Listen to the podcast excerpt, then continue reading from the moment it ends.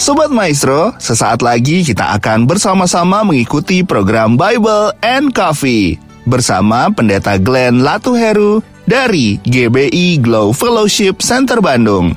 Selamat mendengarkan.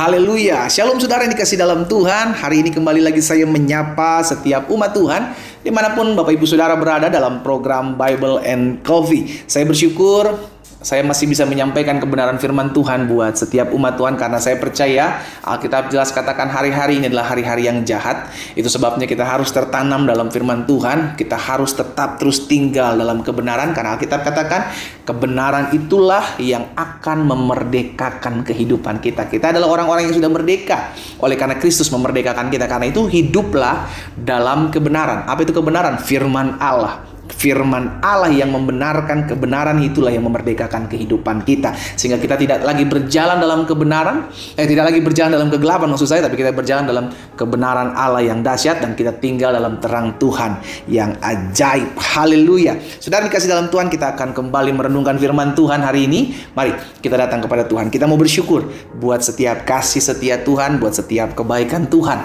dalam kehidupan kita. Haleluya. Bapak kami mengucap syukur buat kasih setia Tuhan. Kami mengucap syukur buat anugerah Tuhan dalam kehidupan kami. Kami berterima kasih sebab Tuhan terlalu baik dalam hidup kami. Kami boleh ada sebagaimana kami ada di hari ini dalam anugerah Tuhan, dalam pemeliharaan Tuhan yang ajaib dan luar biasa yang ada dalam kehidupan kami. Kami rindu mendengarkan kembali sebagian daripada firman-Mu. Roh Kudus urapi kami dengan roh hikmat dan wahyu sehingga kami mengerti akan kebenaran dan biarlah kebenaran itu yang memerdekakan hidup kami. Di dalam nama Tuhan Yesus, kami berdoa dan kami bersyukur. Haleluya. Amin, amin. Puji Tuhan. Nah, saudara dikasih dalam Tuhan, ada satu kebenaran firman Tuhan yang saya mau sampaikan buat setiap kita hari ini dalam 1 Timotius pasal 6 ayat 17 sampai dengan ayat 19. 1 Timotius pasal 6 ayat 17 sampai dengan ayat 19. Alkitab katakan seperti ini. Peringatkanlah kepada orang-orang kaya di dunia ini. Jadi Rasul Paulus ingatin kepada Timotius anak rohaninya untuk memperingatkan kepada orang-orang kaya di dunia ini agar mereka apa? Jangan tinggi hati dan jangan berharap pada sesuatu yang tak tentu seperti kekayaan. Mungkin sebagian kita berkata, oh pendeta, berarti kaya itu nggak boleh. Saya nggak bilang kekaya itu nggak boleh. Tapi kaya yang Tuhan percayakan dalam kehidupan kita, kita mengucap syukur. Kalau Tuhan percayakan, berarti kita bisa mempergunakan hal itu, kekayaan itu untuk menjadi berkat buat orang lain. Dan yang Rasul Paulus ingatkan kepada Timotius adalah memperingati kepada orang-orang kaya dunia agar mereka jangan apa? Yang pertama, jangan tinggi hati. Bos, engkau boleh kaya, tapi kalau engkau tinggi hati, dengan mudahnya Tuhan bisa menghukum hidupmu. Haleluya. Kalau kita dipercayakan kekayaan oleh Tuhan, kita mengucap syukur, jangan tinggi hati dan berkata, oh engkau nggak ada gunanya orang kita ngomong sama orang-orang yang ada di bawah kita, kita ngomong ngomong sama orang-orang yang makan dari meja kita, kita ngomong sama orang-orang yang uh, lebih eh, di bawah kita, jauh di bawah kita nggak punya apa, oh engkau nggak berharga, saya nih yang paling hebat, saya nih yang paling uh, bisa membayar segala sesuatu, jangan tinggi hati, saudara. Mereka jangan tinggi hati. Ini yang diingatkan Rasul Paulus kepada jemaat eh, kepada Timotius dan didiknya untuk memperingatkan kepada orang-orang kaya di dunia agar mereka jangan tinggi hati. Jangan berharap pada sesuatu yang tak tentu seperti kekayaan. Lihat, engkau boleh kaya. Puji Tuhan, haleluya. Saya nggak bilang kaya itu dosa, tapi jangan sampai engkau lupa sehingga engkau mempercayakan dirimu, engkau berharap kepada kekayaanmu. Dan kau berkata, oh kekayaan saya nggak habis pendeta. Tujuh turunan, delapan tanjakan, sembilan tikungan. Maksudnya apa? Tujuh turunan nggak habis-habis. Bukan cuma turunan, tanjakan juga, tikungan juga. Ingat saudara, kekayaan itu dipercayakan oleh Tuhan. Kita datang ke dunia ini tidak membawa apa-apa. Betul itu kita yang rintis, usahamu engkau yang rintis. Usahamu dengan kepandaianmu.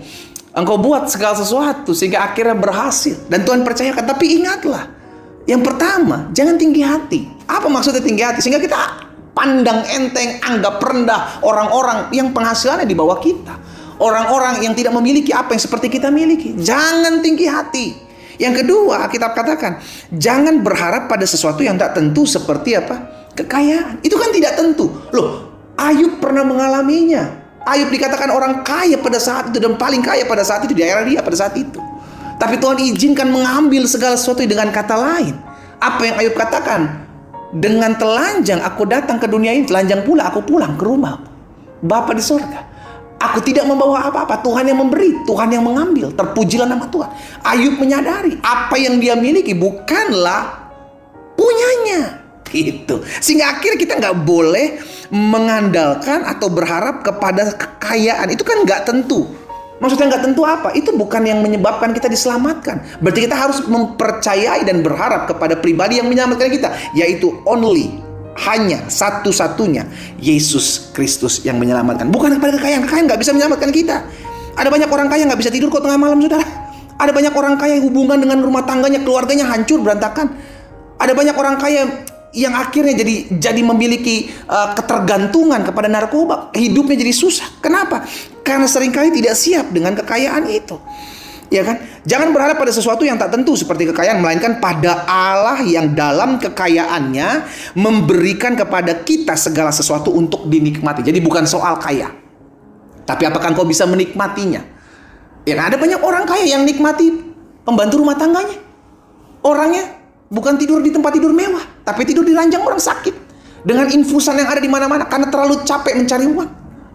Akhirnya nggak punya waktu dengan keluarga, nggak punya waktu dengan sesama, sibuk cari uang sampai lupa bahwa waktu terus bergulir dan dia semakin tua. Akhirnya tidak dapat menikmati. Inilah yang Alkitab katakan. Tidak bisa menikmati apa yang dipercayakan. Nah, kita katakan selanjutnya, peringatkanlah agar mereka itu berbuat baik, menjadi kaya dalam kebajikan, suka memberi dan membagi, dan dengan demikian mengumpulkan suatu harta sebagai dasar yang baik bagi dirinya di waktu yang akan datang untuk mencapai hidup yang sebenarnya.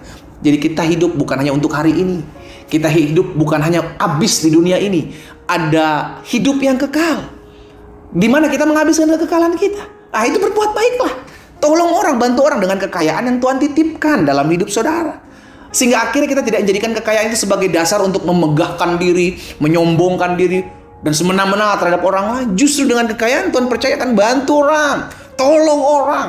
Sehingga akhirnya kau mempersiapkan hidupmu untuk menjadi berkat buat orang lain. Tapi buat apa kaya tapi kita tidak bisa menikmati? Yang nikmati orang lain, kita bisa menikmati dan kita membagi kita menikmati ketika kita membagikan kepada orang lain, kita membantu orang lain, kita menolong orang lain. Kita bisa karena itulah sejatinya Tuhan titipkan buat kita. Makanya pengkhotbah bilang, saudara, lihat pengkhotbah pasal 6 ayat yang kedua bilang begini. Orang yang dikaruniai Allah kekayaan, betul dia punya kekayaan, dia dipercayakan Tuhan kekayaan, harta benda dan kemuliaan, sehingga ia tidak kekurangan suatu pun yang diinginnya. Tetapi orang itu tidak dikaruniai kuasa oleh Allah untuk apa? Menikmatinya. Melainkan orang lain yang menikmatinya. Inilah kesia-siaan dan penderitaan yang pahit. Berarti ada orang-orang yang memang dipercayakan Tuhan cuman mengeruk ayat kekayaan, dipercayakan kekayaan, tapi nggak bisa menikmati. Kenapa? Karena hidupnya hanya untuk kejar kekayaan itu, kejar uang itu, kejar kekayaan itu, kejar uang itu. Makanya ada istilah dunia kerja kerja banting tulang, kerja putar otak, kerja peras keringat. Itu kan istilah-istilah dunia yang akhirnya kita terus jadi workaholic, saudara. Kerja, kerja, kerja sampai kita lupa beribadah kepada Tuhan. Kita lupa untuk bersekutu dengan Tuhan. Kita lupa untuk hubungan kita dengan istri, suami, dengan anak-anak kita yang notabene mereka perlu kita. Kita pikir kita kerja buat mereka, tapi kita lupa waktu itu terus berjalan dan kita kehilangan waktu untuk bersama-sama dengan mereka. Nikmati hidupmu. Nikmati hidupmu. Miliki sesuatu yang engkau bisa prioritaskan. Iya kan? Betul engkau kerja, betul engkau cari uang. Tapi engkau juga mesti punya waktu dengan sang pemberi berkat.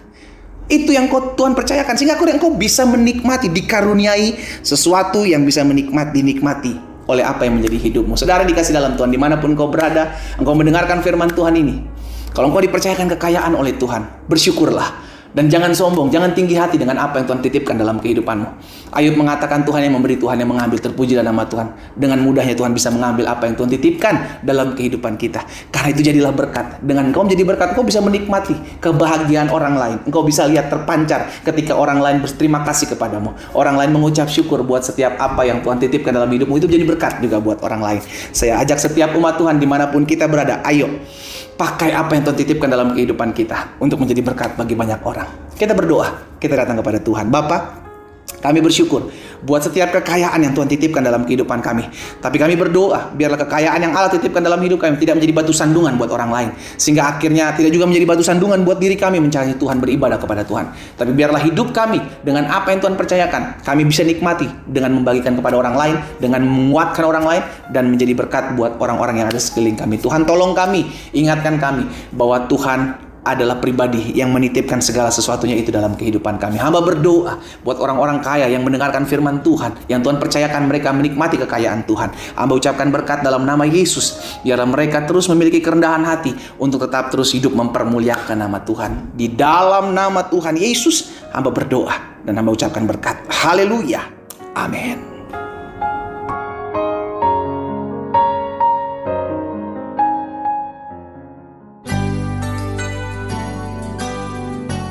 Sobat Maestro, Anda baru saja mendengarkan program Bible and Coffee bersama Pendeta Glenn Latuheru dari GBI Glow Fellowship Center Bandung. Terima kasih atas perhatian Anda. Tuhan Yesus memberkati.